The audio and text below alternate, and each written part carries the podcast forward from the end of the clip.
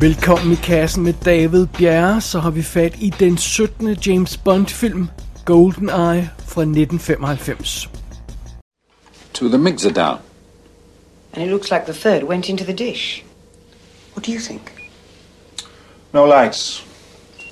Not one single electric light on a 30 mile radius. EMP You ought to account for the MiGs and the satellites. and the blackout. Electromagnetic pulse, a first strike satellite weapon developed by the. Uh... The Americans and Soviets during the Cold War. I read the brief. Discovered after Hiroshima. Set off a nuclear device in the upper atmosphere. Creates a pulse, a radiation surge that destroys everything with an electronic circuit. The idea being to knock out the enemy's communications for he, she, or they could retaliate. So, GoldenEye exists. Yes. Could this be an accident? No. The helicopter. If you wanted to steal the Golden Eye, it was the perfect getaway vehicle. Setting off the blast was the ideal way to wipe out any trace of the crime.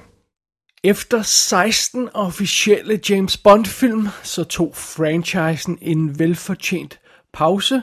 Der var også lidt andre problemer bag kulisserne, men øh, lad os ikke gå i detaljer med det. Nu er Bond i hvert fald tilbage. Han er fuld af energi, han har et nyt ansigt, og vi er i et nyt årti. Så det er jo meget passende. Øh, lad os kigge på historien først her i GoldenEye ganske hurtigt. Øh, der går et lille stykke tid før brikkerne sådan falder på plads i det her plot. Vi starter historien ni år tidligere, da Agent 007 er på en mission med Agent 006. Missionen går galt, og Agent 006 bliver dræbt. Så springer vi frem til nutiden, ni år senere, og så møder vi Bond, James Bond igen. Han er på sådan lidt tilbagelænet mission, virker det som om. Han hænger sådan lidt ud i Monaco, og, øh, og, og blandt andet så støder han på en, en meget frisk ung kvinde i en rød sportsvogn, og han flytter lidt med hende, og han banker hende i kort, kortspil, og så, øh, og så øh, samtidig så mistænker han, at hun er up to no good.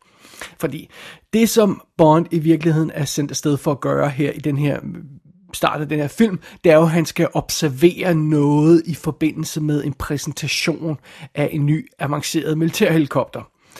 Fordi det, det mistænkes fra MI6's side, at den her, øh, det her Janus forbryder syndikat er på spil og muligvis vil, vil gøre et eller andet i den her forbindelse. Og ja, Bond han falder naturligvis over, at der er et eller andet komplot i gang. Han rejser afsted for at stoppe det hele, men det er for sent. Den her militærhelikopter bliver stjålet lige foran næsen på alle midt i den her præsentation.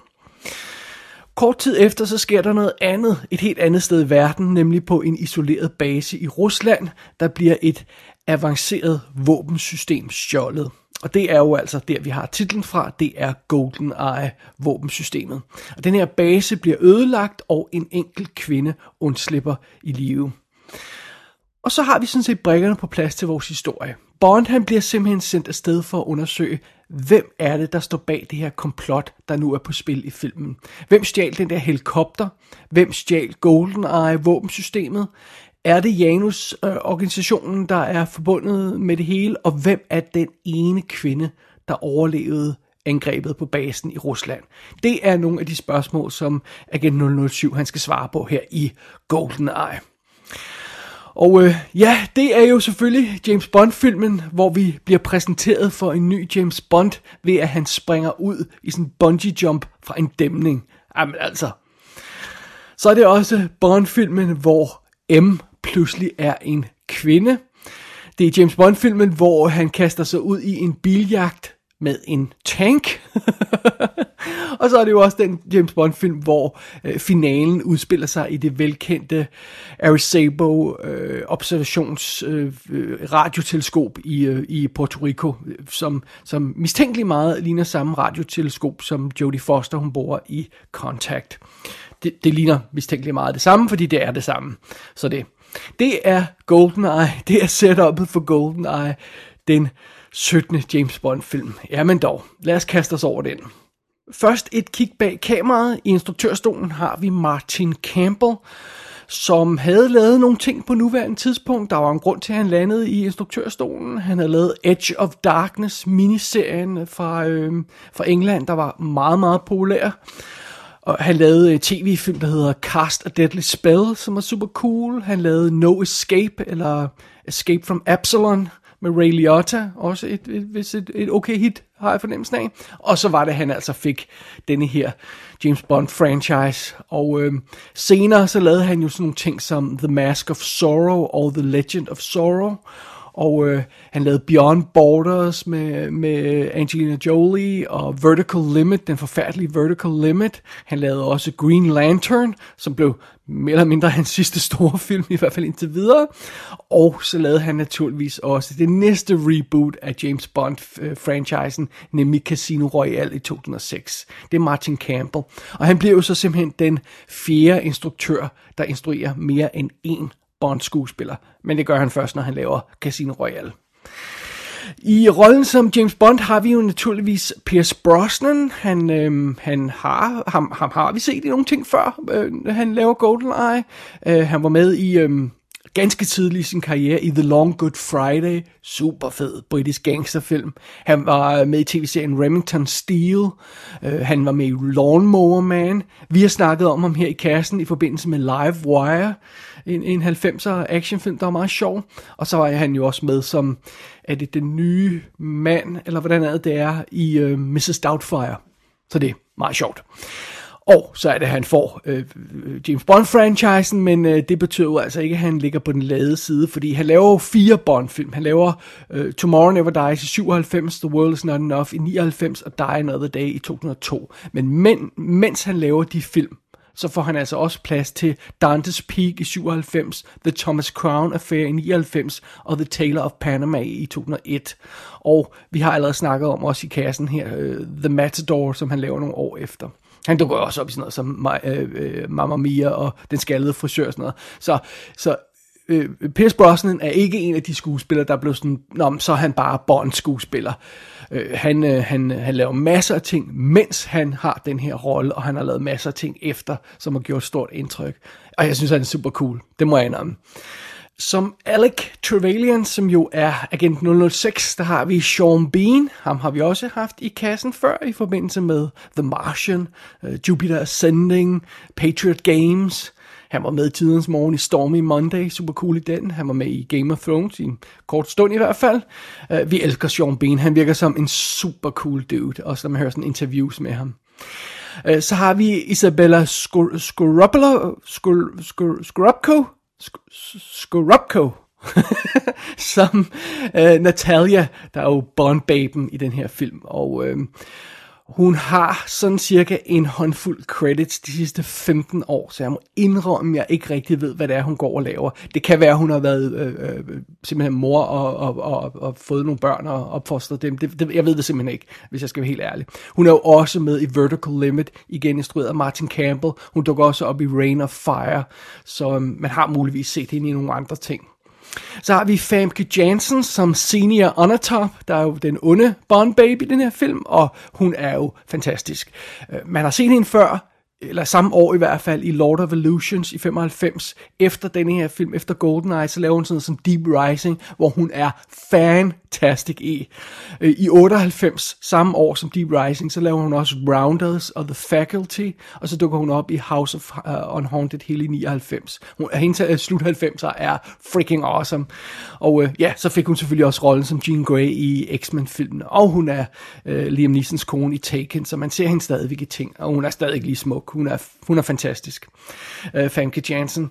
Så har vi Joe Don Baker som Jack Wade, der er Bonds CIA-kontakt, og han er jo så også med i den her miniserie Edge of Darkness, som Martin Campbell lavede i tidens morgen, og så har vi allerede snakket om ham i forbindelse med The Living Daylights, hvor han ikke imponerede synderligt i den rolle. Sådan er det.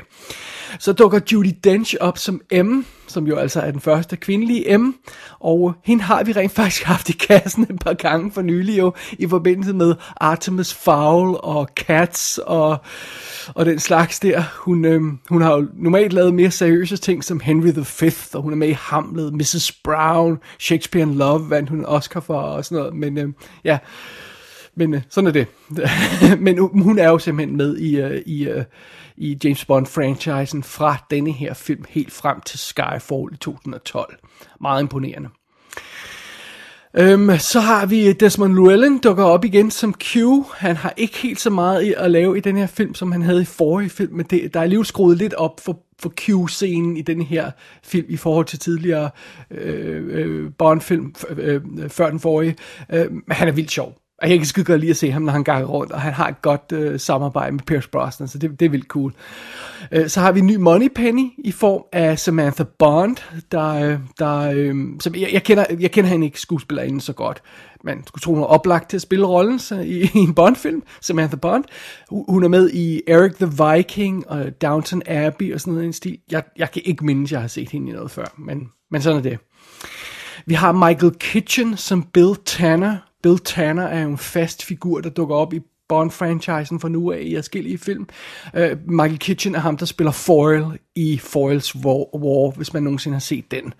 Uh, super cool uh, britisk øh, uh, 2. verdenskrigs uh, krimiserie. Simpelthen.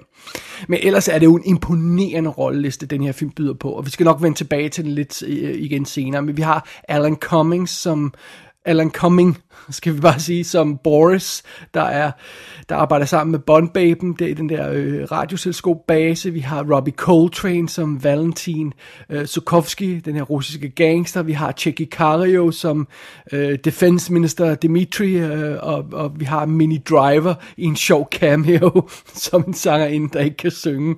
Hvilket er vist, vist lidt unfair, fordi jeg har, øh, det, det er noget med, hun kan synge i virkeligheden, men det er noget helt andet. Det er en super fed rolleliste. Igen, vi skal nok vende tilbage til den senere.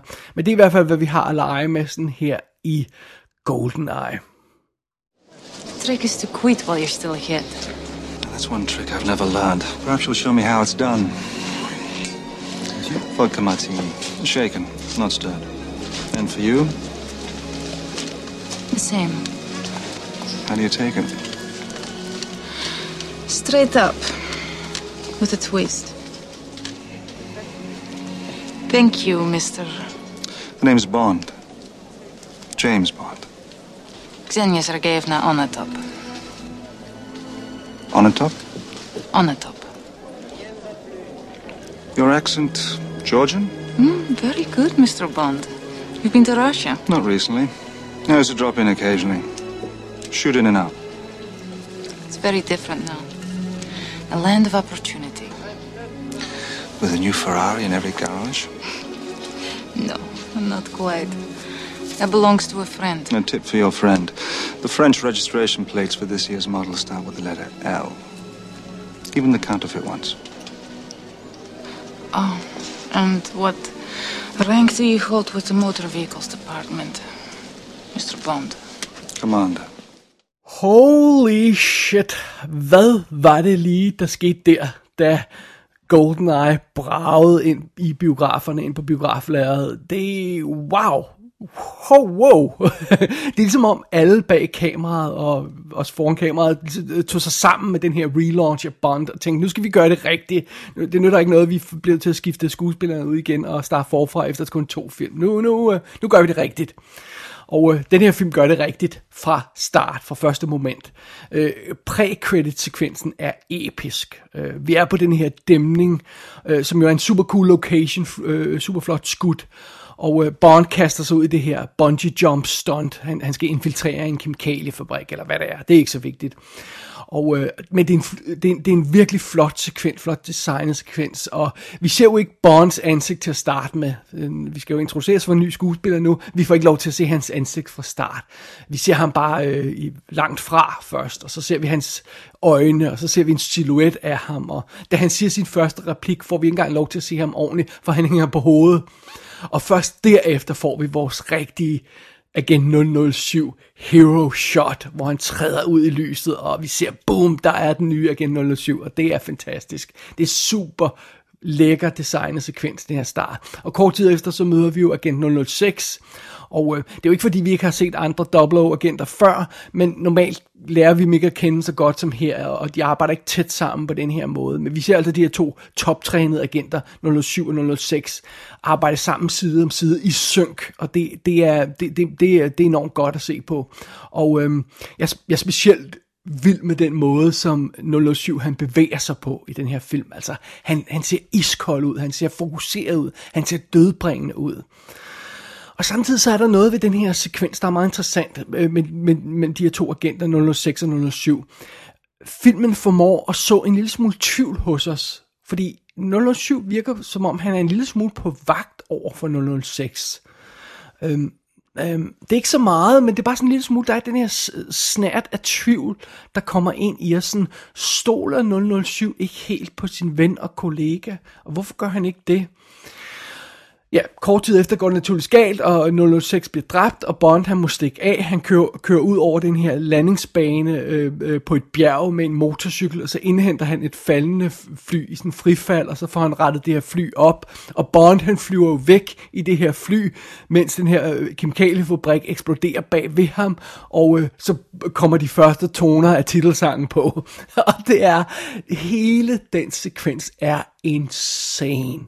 Den er så godt skudt sammen. Det er, den har et virkelig effektivt øhm, shot design, altså den, den måde, som skuddene er tænkt på, og der er, nogle, der er nogle virkelig godt tænkte momenter i den her indledningssekvens. Der er en fantastisk rytme, øhm, alt er timet og perfekt, og Øhm, og der, der er lige den her rette mængde af små frække momenter med humor også blandet ind i det, så, så, så det, bare, det hele spiller bare, det hele fungerer fantastisk, og det er kun præ-credit-sekvensen. Vi har ikke engang fået titelsangen endnu.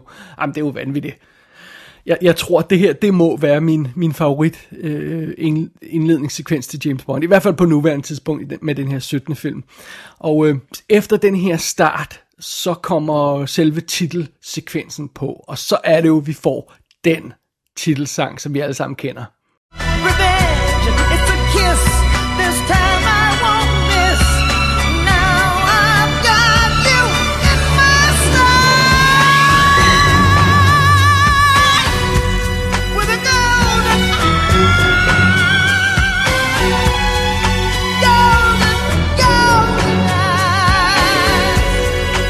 Ja, men man får jo chills. Man får chills af det her. Det er jo fantastisk. Tina Turner synger den her sang, og øh, Bono og The Edge har skrevet den, og det, det er så awesome. Uh, fantastisk uh, moment i den her film, at, når den her credit-sekvens kommer på. Og jeg synes for første gang, så matcher den her credit-sekvens rent faktisk sangen, der bliver sunget i baggrunden.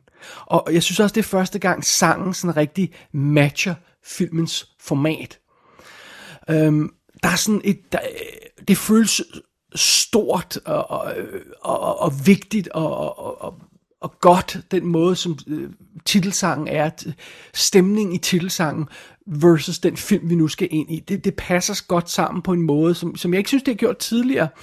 Øh, og takket være øh, moderne effekter, så kan man jo lave den her insane kombination af, af vanvittige billeder, hvor vi får de her visuelle referencer til filmen med faldende russiske symboler, og statuer, der vælter, og der er de sædvanlige babes og, og alt muligt andet haløjse guf. Men designet af den her titelsekvens er awesome.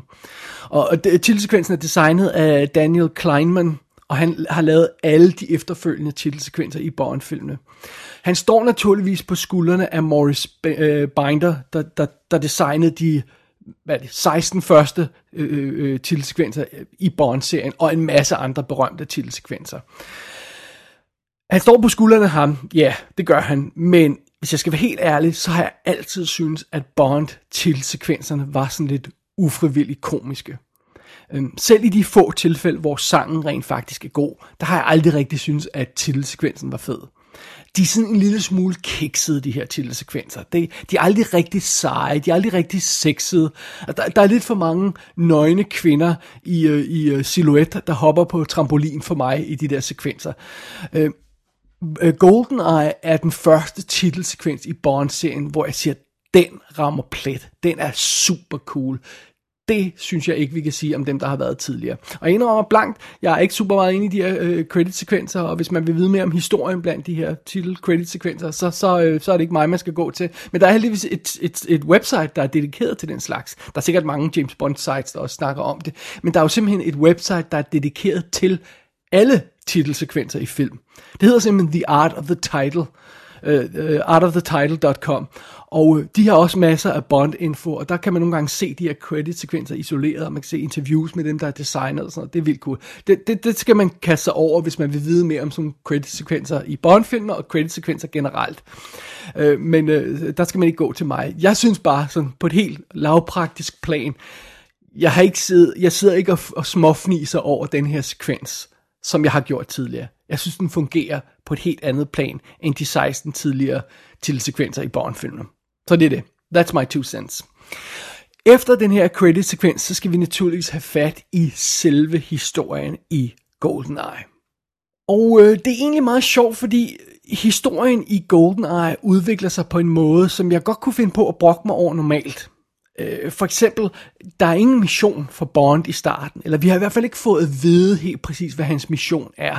Øhm, ikke sådan helt til at starte med, der, der, der render han bare lidt rundt, og det synes at være lidt formålsløst, men det er det, det, er det ikke. Øh, øh der går, men der går rent faktisk øh, 50 minutter af den her film, før han decideret får den opgave, han skal løse i filmen. 50 minutter af den her øh, 130 minutter lange film. Det er lang tid. Plus der går rent faktisk 70 minutter af den her film, før Bond overhovedet møder baben i filmen. Det er alligevel også imponerende. Øh, men det springende punkt er selvfølgelig, hvordan bruger filmen tiden op til det moment, hvor Bond får den reelle mission. Og det er jo simpelthen her, hvor filmen den, den gør det rigtigt. Den lægger simpelthen det her puslespil. Den giver os en brik af gangen. Først så møder vi den her øhm, baby i en røde sportsvogn i indledningssekvensen. Så havde vi ser det her med helikopteren, der bliver stjålet. Så ser vi øh, GoldenEye våbensystemet, der bliver stjålet. Så havde vi møder den her kvinde, der overlever. Øh, og alle de her brikker falder ligesom på plads, og det er ligesom om det er, det er kantbrækkerne i et puslespil. Og øh, på den tidspunkt så har vi den her ramme, men vi mangler stadigvæk de centrale brikker. Hvad hvem er Janus, den her gruppe, den her forbrydergruppe, og hvad skal GoldenEye bruges til? Jamen, det er så den mission, øh, Bond skal ud på. Så, øh, så, så først så bliver, bliver rammen for historien lagt, og så skal rammen fyldes ud bagefter. Og jeg elsker den måde, som filmen bygger, bygger det her plot op på. De virker fremragende. Stille og roligt, så tegner historien sig ved, at den her ramme bliver konstrueret, og stille og roligt, så falder alt i hak ved, at selve motivet i rammen bliver udfyldt. Det, det, det er simpelthen skide godt konstrueret. Ganske enkelt. Det er derfor, det virker. Øh, og, og der er også, der er også en, en, vis form for tålmodighed i måden, den her historie bliver fortalt på. Øh, den, den læfler ikke for laveste fællesnævner. Vi, øh, vi, vi, vi får ikke bare sådan konkret at vide, hvad det er, Bond skal i første scene. Vi, vi, vi, må, vi vil ligesom bare følge med og, og nyde, at det her øh, puslespil bliver lagt. Og øh, en anden ting, der, der heller ikke generer mig ved den her film, selvom den gør det ved andre film, det er øh, informationsniveauet. Mere præcist vores informationsniveau versus James Bonds informationsniveau. Som sagt, Bond han møder ikke den kvindelige hovedrolle, før der er gået 70 minutter af den her film. Men vi møder hende. Vi, vi, vi, vi kender hende, vi ved, hvem hun er, vi ved, hvad der er sket for hende, og vi følger hendes kamp for overlevelse. Vi ser også tyveriet af GoldenEye. Vi ved, hvem der står bag det. Vi ved, vi får en idé om, hvad de vil også. Øhm, men på trods af det, så løber den her film ikke ind i samme problemer, som tidligere film har løbet ind i, øh, øh, hvor det her med, at vi, om vi hele tiden tre skridt foran Bond, så han virker som en idiot.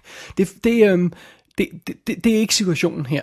Og det hjælper naturligvis også, at Bond han ikke vælter rundt som sådan en fladpandet drukmås hele tiden. Øh, han, Bond han arbejder koncentreret og fokuseret, fokuseret, og han når frem til den rigtige information på et tidspunkt, og så gør det ikke noget, at vi ved tingene lidt før ham. Øh, det gør ikke noget, når, vi, når, der sådan, når det føles som om, han arbejder koncentreret og, og, og ikke bare afhængig af held, som, som tidligere. Så, så det er derfor, de her ting, der normalt kunne være et problem, ikke generer mig i GoldenEye. Endnu en ting, den gør rigtigt. Endnu en ting, den her film har held med. Jamen, det er fantastisk. Derudover, så har den jo også den her film, som jeg nævnte tidligere, fantastisk casting.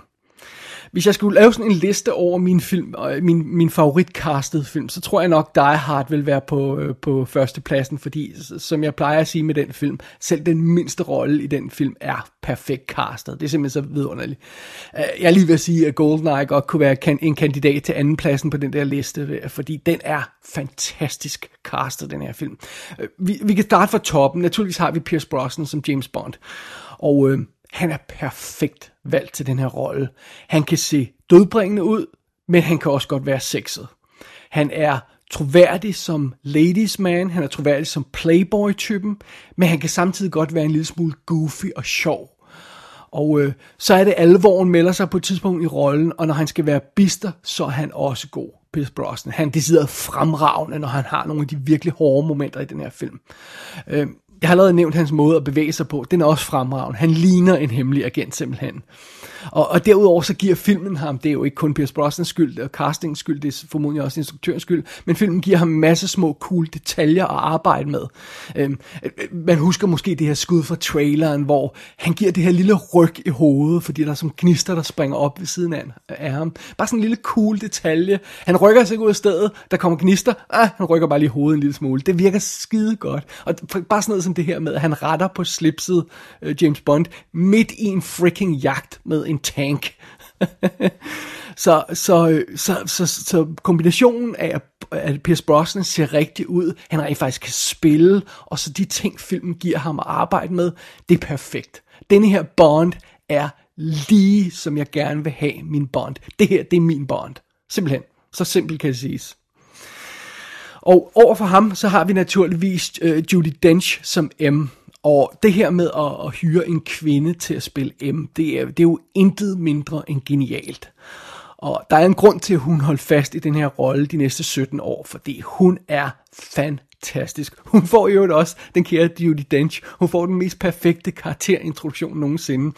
Øh, den her sekvens, hvor Tanner han står og sviner hende til, og opdager ikke, at hun træder ind i rummet lige bag ved ham, og så træder han til side, og så ser vi hende for første gang. Det er et perfekt moment, og så havde hun fyret den her replik af. Because if I want sarcasm, Mr. Tanner, I'll talk to my children, thank you very much.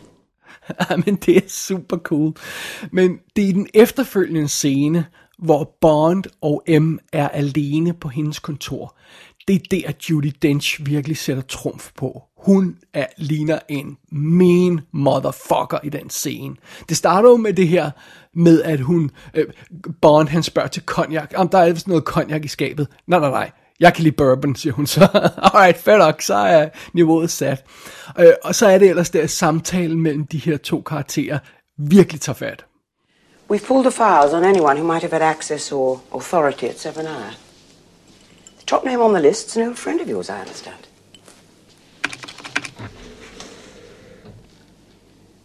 Oromov. They made him a general. He sees himself as the next Iron Man of Russia. Which is why our political analysts rule him out. He doesn't fit the profile of a traitor. Are these the same analysts who said the Golden Eye couldn't exist? Who said the helicopter posed no immediate threat and wasn't worth following? You don't like me, Bond. You don't like my methods. You think I'm an accountant. A bean counter more interested in my numbers than your instincts. The thought had occurred to me. Good. Because I think you're a sexist, misogynist dinosaur. A relic of the Cold War whose boyish charms, though wasted on me, obviously appeal to that young woman I sent out to evaluate you. Point taken. Not quite 007. If you think for one moment I don't have the balls to send a man out to die, your instincts are dead wrong. I've no compunction about sending you to your death. But I won't do it on a whim, even with your cavalier attitude towards life. Jamen altså, fucking hell, det her, det er jo en helt anden M. Der bliver trukket nogle helt nye streger op i den her scene. Det er jo en rigtig scene. Altså, det er jo ikke bare sådan en fladpandet scene i starten af en eller anden øh, øh, sommerblockbuster. Det er en rigtig scene med rigtig skuespil, det her. Og det er jo altså ikke noget, vi har været overvældet af i den her filmserie indtil videre. Det her med sådan troværdigt, rigtig skuespil. Der er, der er høje stakes her. Der er to stærke karakterer, der går op mod hinanden. Det er decideret fremragende, den her konfrontation, som M og, og Bond har. Og øh, det sætter tonen for, for, for, for, hvordan den her karakter M opfører sig. Det er fremragende. Det er simpelthen fremragende. Og øh, lad os lige nævne også en anden ting i forbindelse med den her film, det er selvfølgelig The Bond Babes. Øh, det er jo fast inventar i Bond-filmene, at vi skal have The Bond Babes. Og øh, på det, på det punkt har vi naturligvis også trådt ind i en ny tidsalder. Øh, vi får ikke de her tanketomme bikini-klædte øh, blondiner, som vi har haft tidligere, der bare vil ikke hoppe i kanen med, med, med Bond. Øh, nej. Øh, Isabella øh, Skorupko, var det, som vi skulle udtale det, som Natalia, hun er en solid karakter. Og øh, der går altså 70 minutter før hun møder Bond i den her film. Så de første 70 minutter spilletid af GoldenEye, der står hun på egen ben og må selv overleve, og må selv finde på, hvad hun skal gøre for at komme videre i verden. Det fungerer skide godt. Hun er, hun er en solid, super sympatisk Bond babe. Men, der er altså ikke noget at gøre. Det er Famke Janssen som senior on top der stjæler showet. Det er lige før hun stjæler filmen fra Bond også. Hun er simpelthen fantastisk. Famke Janssen i den her rolle er uden konkurrence den bedste Bond babe, der nogensinde har været. Op til det her punkt og efter det her punkt. Hun er fræk, hun er dødbringende, hun er sjov, hun er super cool på alle punkter. Man kan ikke tage øjnene fra hende, hver gang hun, øh, hun er på skærmen. Og ikke bare fordi hun er smuk, men også fordi hun simpelthen er så vanvittig og laver så mange vanvittige ting. Øh, det, det, er, det, det er lidt synd for, øh, for den stakkels øh, øh, Natalia der, som, som, som skal, skal, skal prøve at spille op mod hende. Hun kan ikke rigtig konkurrere med senior on top. Øh, ved siden af, af hende, så, så virker den, den, den, den gode Bond Babe altså en lille smule kedelig, men... Øh, what are you gonna do? Uh, uh, den kære senior undertop, hun gør altså simpelthen bare fantastisk indtryk. Og som sagt, generelt så er casting i den her film bare awesome, ned til de mindste små roller. Naturligvis er Sean, øh, Sean Bean god som uh, Agent 006. Ingen tvivl om det. Uh, Alan Cumming er også skide sjov som den her uh, tekniker, der, der viser sig at være en bad guy jo selvfølgelig. Men så er vi kommer ned i de lidt mindre roller, uh, karakterer, der bare har et par scener. Robbie Coltrane som gangster. Det, jeg havde slet ikke forestillet mig den der type casting af ham. Det virker fantastisk. Jeg vil, seriøst, jeg vil gerne se en hel film, hvor ham og Bond var på et eventyr sammen. Fordi man fornemmer, at de har sådan noget historie sammen tidligere. Han halter, og det er Bond, der er skyld i, at han halter og sådan noget. Det, der er lidt joken frem og tilbage mellem dem. Robbie Coltrane er fantastisk i den her film. Øhm, så har vi Checky Cario som den her super pest russiske forsvarsminister, der godt har gennemskud, at der er et eller andet shady, der foregår på hans watch, men han kan ikke rigtig finde ud af, hvad fanden det er. Og han, han er altid god, når han dukker op i en film. Han kan gøre også stort indtryk. Joe Don Baker som den her fladpandet CIA-agent, der, øh, der, der, der er sådan en rigtig amerikaner-type. Og igen, her er det meget godt, at filmen får trukket sådan lidt streg i sandet og sagt, okay, vi skal lige huske, at vi er en britisk agent, det her. Det var sådan, det nogle af de forrige film øh, med Timothy Dalton glemte lidt. Det blev lidt for amerikansk. Øhm, her der er det sådan, ja, vi er britiske her, og, og, og så kommer der en fladpandet amerikansk agent og, og sviner vores gode britiske agent til, og, og så, så, så, så husker vi det. Og, og Joe Don Baker er fantastisk sjov i den rolle. Og øh, sådan er det. Og så har vi altså også noget, bare sådan noget som Michael Kitchen, en god, solid britisk skuespiller, der bare står og leverer exposition-information i rollen som Tanner, men altså får gjort virkelig meget med den her simple lille rolle, selvom han, han jo, altså, det kunne godt være en throwaway karakter eller sted, men det er det altså ikke. Og det her med, at de ovenkøbet har fundet en ny, frisk, moderne Moneypenny, der, altså i Samantha Bonds øh, hænder, der, øh, der er ikke bare doner, når hun ser Bond. Der er den her sædvanlige flirten mellem dem, men hun siger sådan lidt, øh, hun er, hun er, der er lidt anderledes kant på hende her i, i konfrontationen mellem de to i den her film. Det virker virkelig godt. I love it. I love it. Ja, det, det, er jo sådan, det er jo fantastisk, når selv de mindste karakterer i en film fungerer. Fordi så er, det jo, så er der ikke nogen døde øjeblikke, hvor vi bare lige skal levere noget information og sådan noget. Alle karakterer, der er på, er interesseret i og vil gerne følge, og, og, og det gør ikke noget, de er på skærmen. Og det er jo, sådan skal det jo være optimalt. Øh, ideelt set i hvert fald. Og ja, det her er naturligvis en James Bond film, så vi skal have noget James Bond action. Det er en super kæmpe dyr agentfilm, så der skal, der skal gang i den.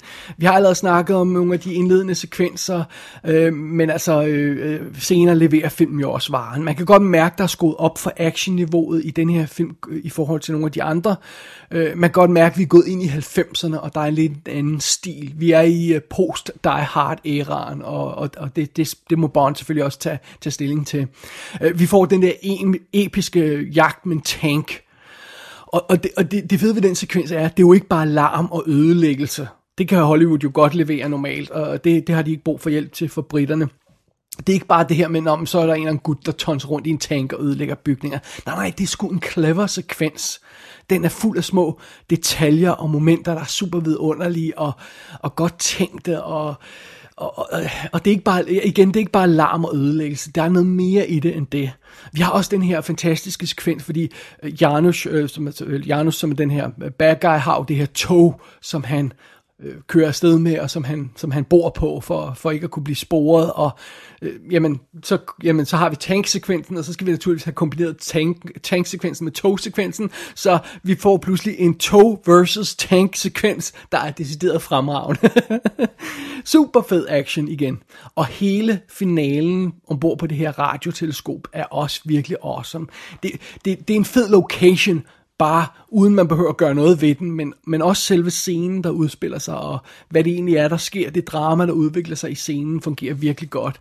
Og, øh, og, og så, så, ja, så er det bare, det er en energisk god action scene, en, go, godt øh, øh, finale, en god finale scene for den her type film. Undervejs i de her actionsekvenser, så får vi også nogle, øh, nogle øh, cool øh, modelskud Øh, øh, af den uh, The Late Great Derek Meddings, som jo altså døde efter den her film, så han, det var den sidste Bond-film, han arbejdede på.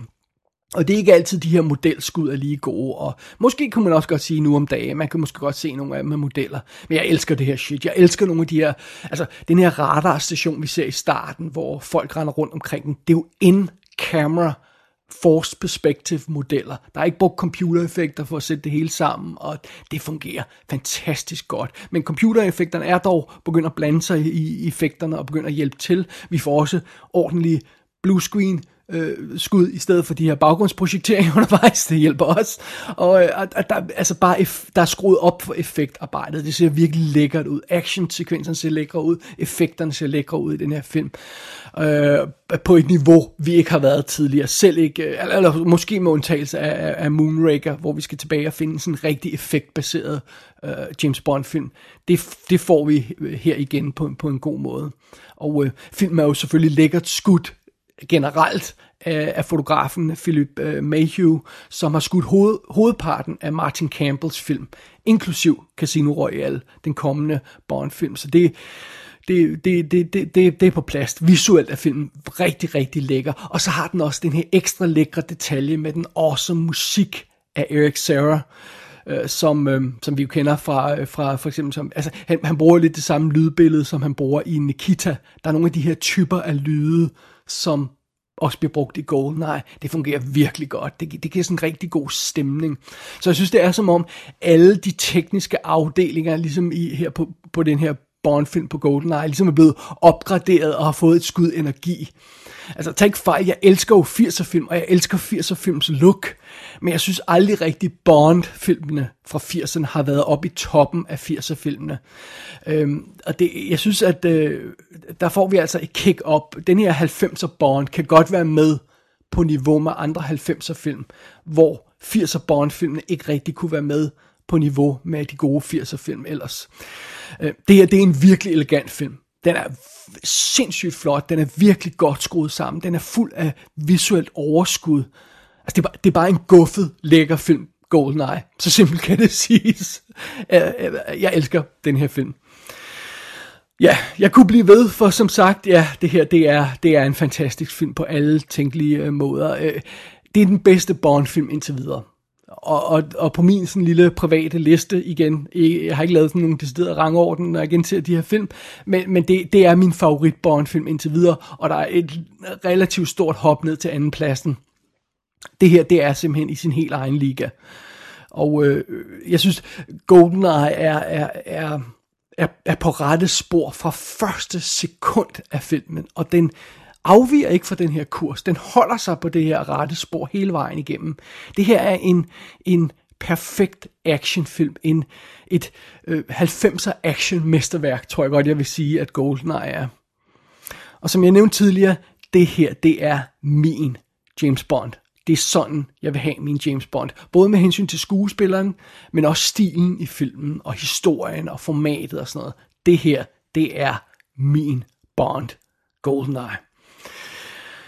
Så spørgsmålet er naturligvis, kan man holde den her høje standard til næste film? Åh, oh, det ser ikke godt ud. Det bliver svært, det bliver svært. Lad os se, om det går. Vi skal videre til Tomorrow Never Dies. Og den har jo en freaking Sheryl Crow titelsang.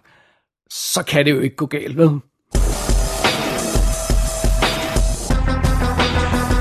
GoldenEye er ude på DVD og Blu-ray med en sædvanlig blanding af featuretter og kommentarspor. Jeg mindes, jeg hørte kommentarsporet i tidens morgen, og jeg mindes, at det var ret godt. Det er med Martin Campbell selvfølgelig. Gå ind på ikassenshow.dk for at se billeder for filmen. Der kan du også abonnere på dette show og sende en besked til undertegnet. Du har lyttet til I Kassen med David Bjerre.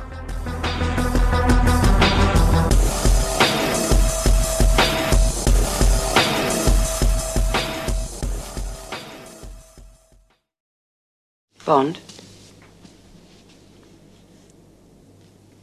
Come back alive.